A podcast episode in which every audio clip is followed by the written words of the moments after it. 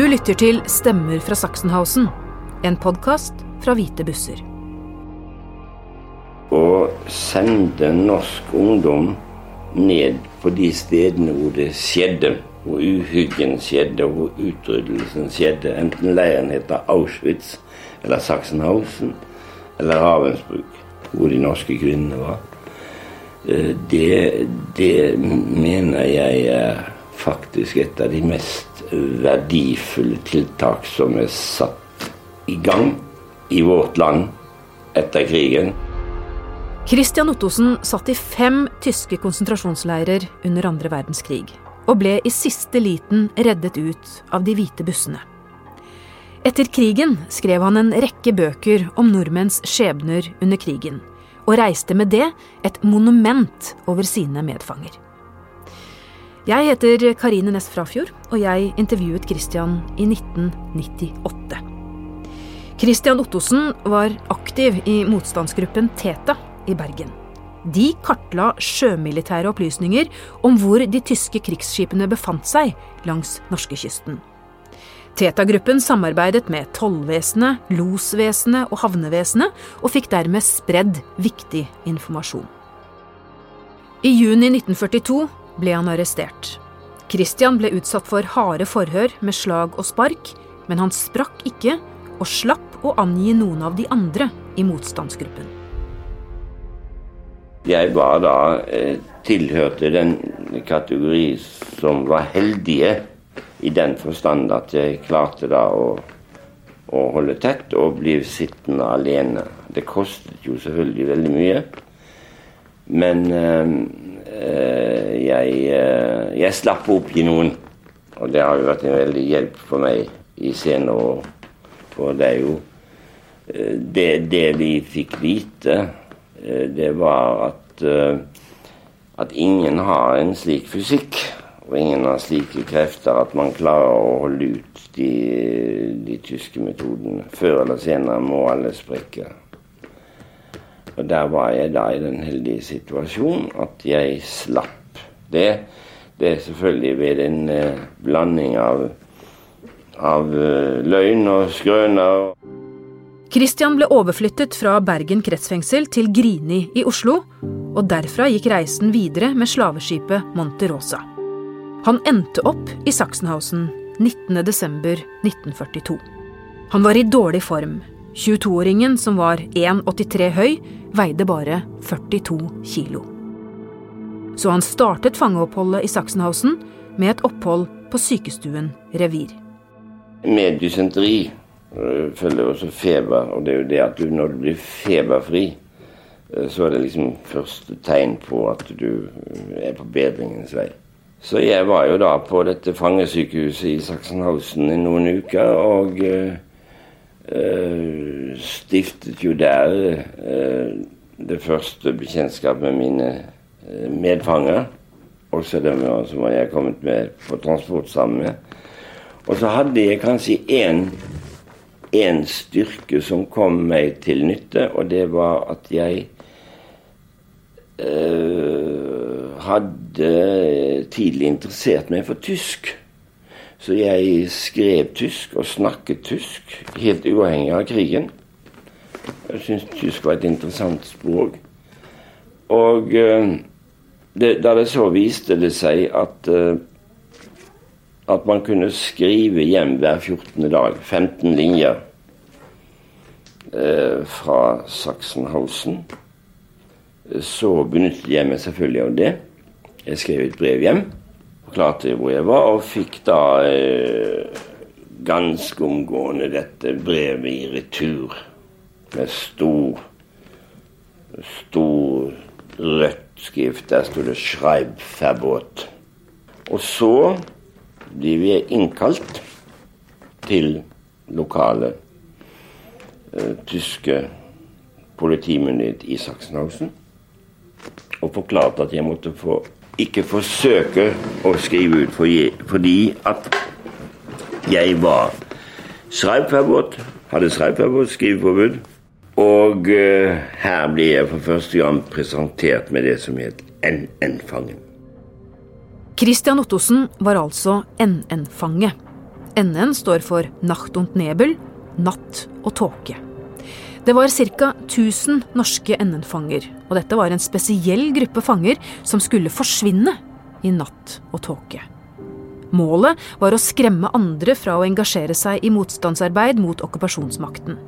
De pårørende skulle ikke informeres om hvor deres kjære var, og denne uvitenheten skulle styrke angsten og virke ekstra avskrekkende på andre, etter nazistenes oppfatning.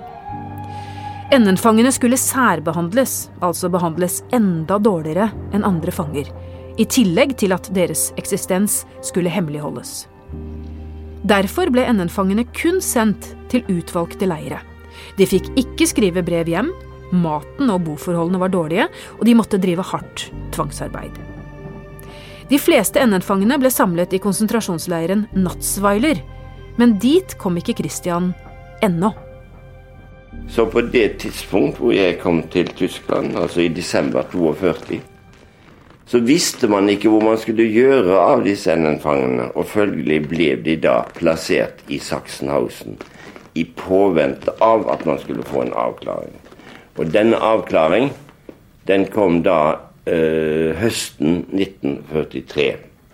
For da var det klart at NN-fangene skulle sendes i en leir hvor de kunne isolere totalt og arbeide dem i hjel. Og den leiren blir da Natsveila, som ligger i Elsass-Lotringen i Frankrike. Og eh, den form for arbeid man skulle settes i, var simpelthen å arbeide i et stenbrudd. I dette stenbruddet, som var et granittbrudd,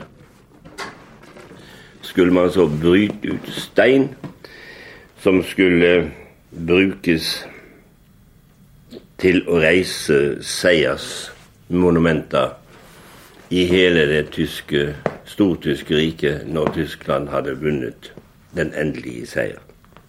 Så dette er da sammenhengen med din blind tro på at man skulle bygge opp et uh, mektig tysk rike med tilhørende monumenter.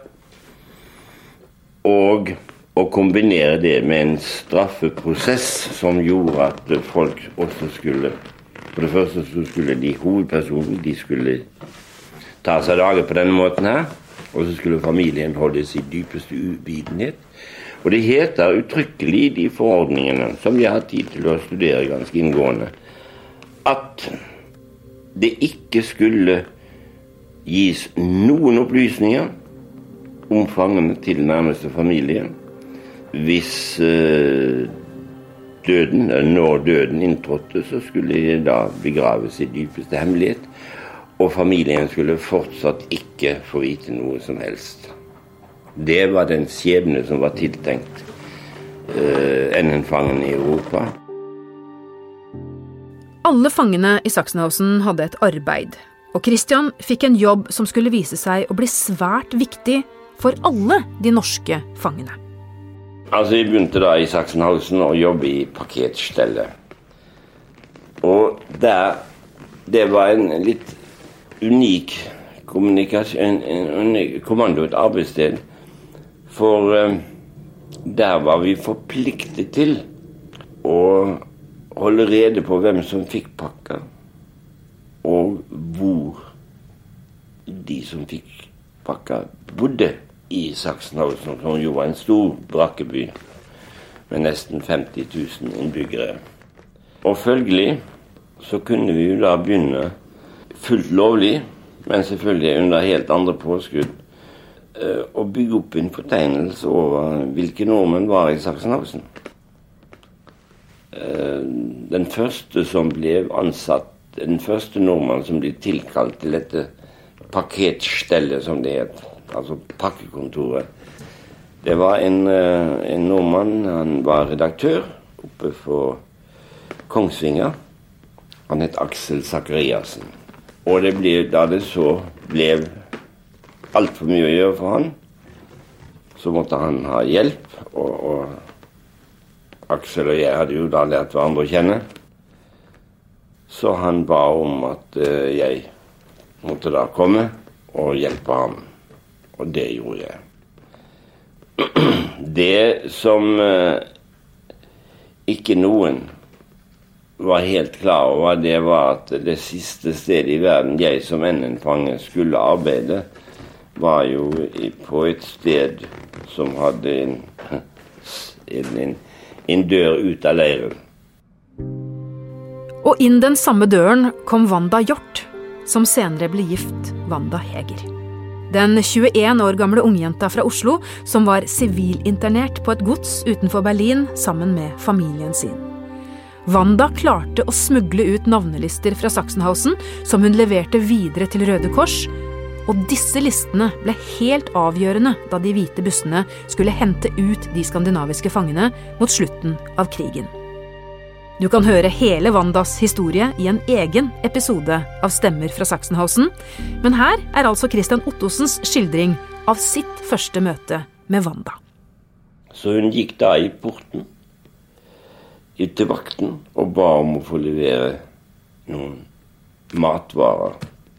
Potetkaker og potetsalat og det de kunne få til med det ringe rasjonen de hadde. Og øh, siden så fikk hun greie på flere navn. Og da, fordi hun da kom i vakten, så skulle jo disse pakkene inn til paketstellet. Og da kunne det jo hende at uh, det kom en beskjed om at uh, en nordmann fra paketstellet må komme til porten og hente pakker. Og uh, tilfeldigvis var det meg en gang og Asak en gang. Aksel Sakariassen, altså. Men en gang tidlig i 43 så var det min tur, så der traff jeg jo da Wanda. Jeg spurte da de la til å få veksle noen få ord med henne. Og det fikk jeg lov til på betingelse av at vi snakket tysk. Og den samtalen varte ikke veldig lenge. Men uh, vi fikk da i hvert fall sagt så mye at uh, her er det en grunnlag for en kommunikasjon utad i leiren. Mellom fanger i leiren og nordmenn som var frie. i anførselstegn. Så det blir jo da eh, eh, begynnelsen til et, eh, en, en eh, fantastisk jobb fra Wandas side, som hun da for øvrig har skildret i denne boken som heter 'Hver fredag foran rapporten'. Og på den måten blir det da sikret en kanal ut. Denne kanalen ble da veldig viktig, fordi at langsomt og sikkert så fikk vi jo smuglet ut eh, så å si hele det norske kartoteket fra Sachsenhausen.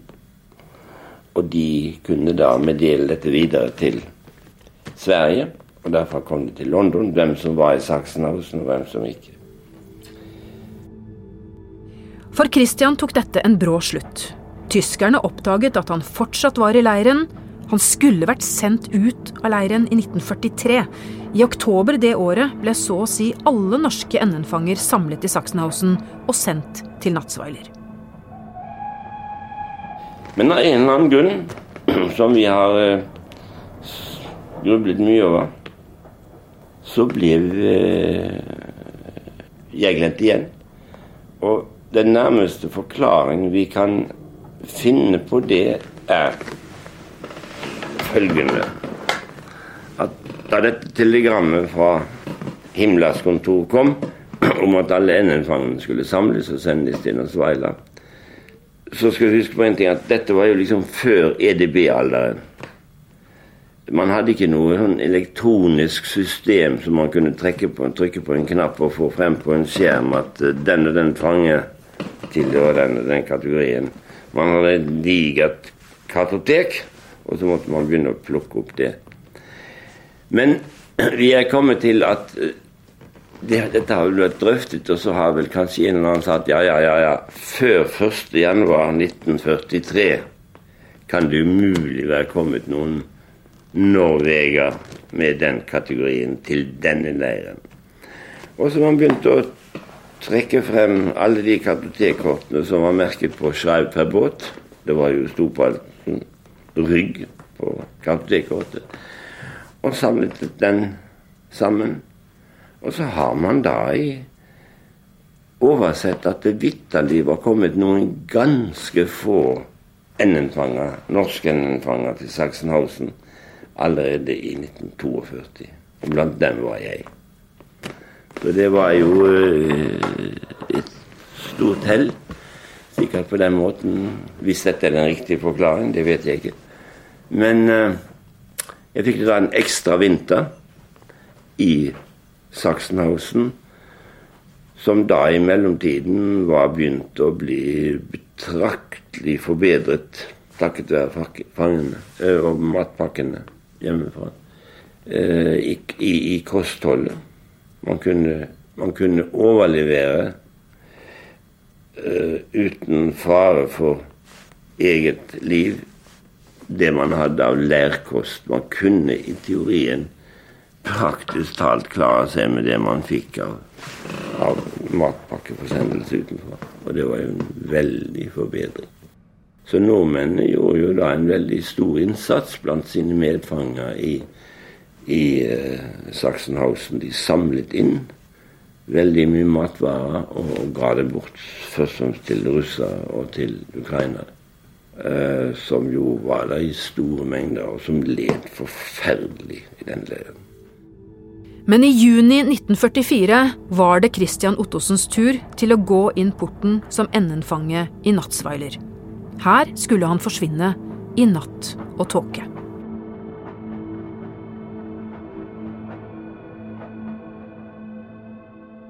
Og helsetilstanden blant norske fanger i, i, i uh, Natsveila gikk jo veldig fort nedover. Hårdt arbeid, minimal lærmat. Og det er jo forklaringen. Og, og, og, og lite søvn og et forferdelig hardt klima. Uh, og arbeid i 1000 meters høyde i sludd og i sne med i minimal kost, det var ingen, det var ingen spøk. Og Det er jo forklaringen til at uh, halvparten av uh, norske NN-fanger som kom til Venezuela, døde jo dels i leiren uh, før leiren ble evakuert. Og da leiren ble evakuert i september 44, så blir jo da kom man i andre leirer og forholdene var like ille. Hvordan så en dag ut for deg i Natsveiler? Hva gjorde du? Ja, som, som uh, nyankommet til Natsvaila, så blir hun satt til den jobben som alle nyankomne fanger blir satt til, nemlig å gjøre rent på det som på tysk heter Scheisshaus, og som på norsk heter do. Du blir satt til å vaske doen. Og det var jo en forferdelig overbefolkning. Altså en, en normal brakke i uh, Natsvaila var jo beregnet på 300-400 mennesker. Hvis du tok utgangspunkt i antall køyer. Det faktiske målet var 250 fanger på hver brakke. 125 på hver fløy, som det het. Uh, og det brød jo tyskerne seg lite om. Så brakken var veldig overbefolket. Og dette reflekterte jo selvfølgelig også det i det som skulle til med den daglige uh, vask på min arbeidsplass. Men etter hvert klarte Christian å skaffe seg en ny jobb som blokkskriber. En som skulle ha system og holde nøyaktig oversikt over alle fangene i blokken. Og det var jo det paradoksale i situasjonen at av alle de jobbene jeg hadde i Tyskland, så var jo da faktisk jobben hos Veiland meget enkel når du først hadde funnet et system. Så øh, i motsetning til alle mine landsmenn, så må jeg jo si som sant det at øh, jeg hadde jo en, et brukbart arbeid i, i Natsveila. Men det varte jo veldig kort tid, fordi at allerede i september 1944 så begynte jo vi å merke virkningen av invasjonen i Frankrike. Og måten vi merket det på, var jo at uh, kanonene i det fjerne begynte å bli tydeligere og tydeligere. Og de allierte var da på vei på kamper hver dag inn gjennom dalen, den dalen som Natsveila lå i. Og det var helt tydelig at uh, noe måtte skje med Natsveila. Så vår spenning var jo knyttet til hva skal skje. Det var jo det var en virkelig en, en nesten ulidelig spenning. Fordi uh, åpenbart så, så hadde ikke tyskerne innstilt seg på at invasjonen skulle lykkes, og de hadde ikke innstilt seg på at den situasjonen skulle oppstå at de måtte evakuere en fangeleir. Men uh, det ble da tilfellet. Så vi uh, ble da evakuert til uh, Dachau. Og da er det jo slik at hvis du har bygget opp et, et, et, en, en, plattform i én leir, så ramler jo den totalt sammen når du går inn i neste leir. Og det var det som skjedde i dette tilfellet med meg. Så virkeligheten med å komme til Dachau, den var jo slett ikke noe hyggelig. Det tyske riket begynte å rakne. Den røde armé var på fremmarsj, og fangene ble drevet ut av Dachau og sendt på transport til leirene Otto Brunn, Dautmergen og til slutt Weihingen. Og der var vi da alt i alt. Vi var vel, så vidt jeg husker, parten samlet inn 29 nordmenn der. Var en liten der, bortgjemt. Og det der gjaldt det i grunnen bare å, å, forsøke å bli frisk igjen. De, altså jeg for min del måtte forsøke å få sårene til å gro, og det gikk på et vis. Uh, og der var det slik at da var det ikke lenger noe bruk for noe sånn systematisk arbeidskraft, for man hadde, hadde rett og slett ikke noe sted å sette halvsyke fanger i arbeid. Så Fatnat Svaila, som var en hårleir, den fikk da sin forlengelse i en rekke sånne små leirer som jeg har beskrevet med Feiringen. Og jeg tror at det er riktig å si at uh, dødsprosenten i Feiringen var praktisk talt den samme som i Natsvaila.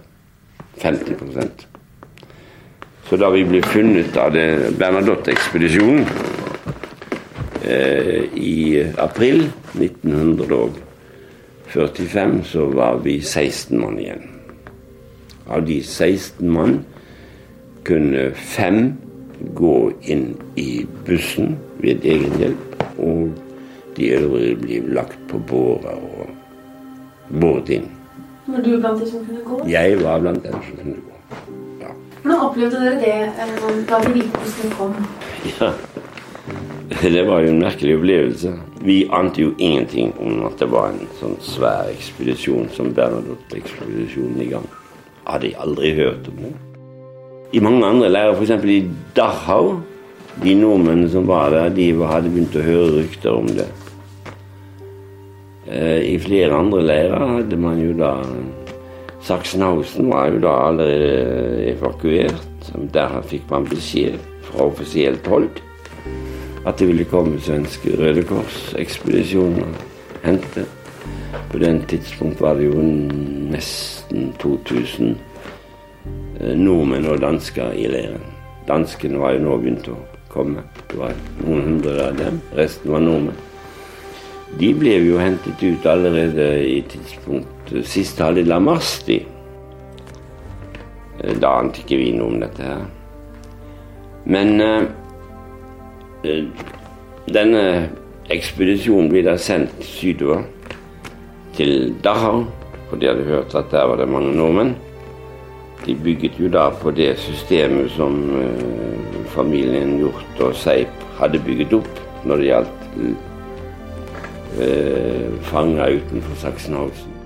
Men de norske NN-fangene var spredt rundt i hele Tyskland.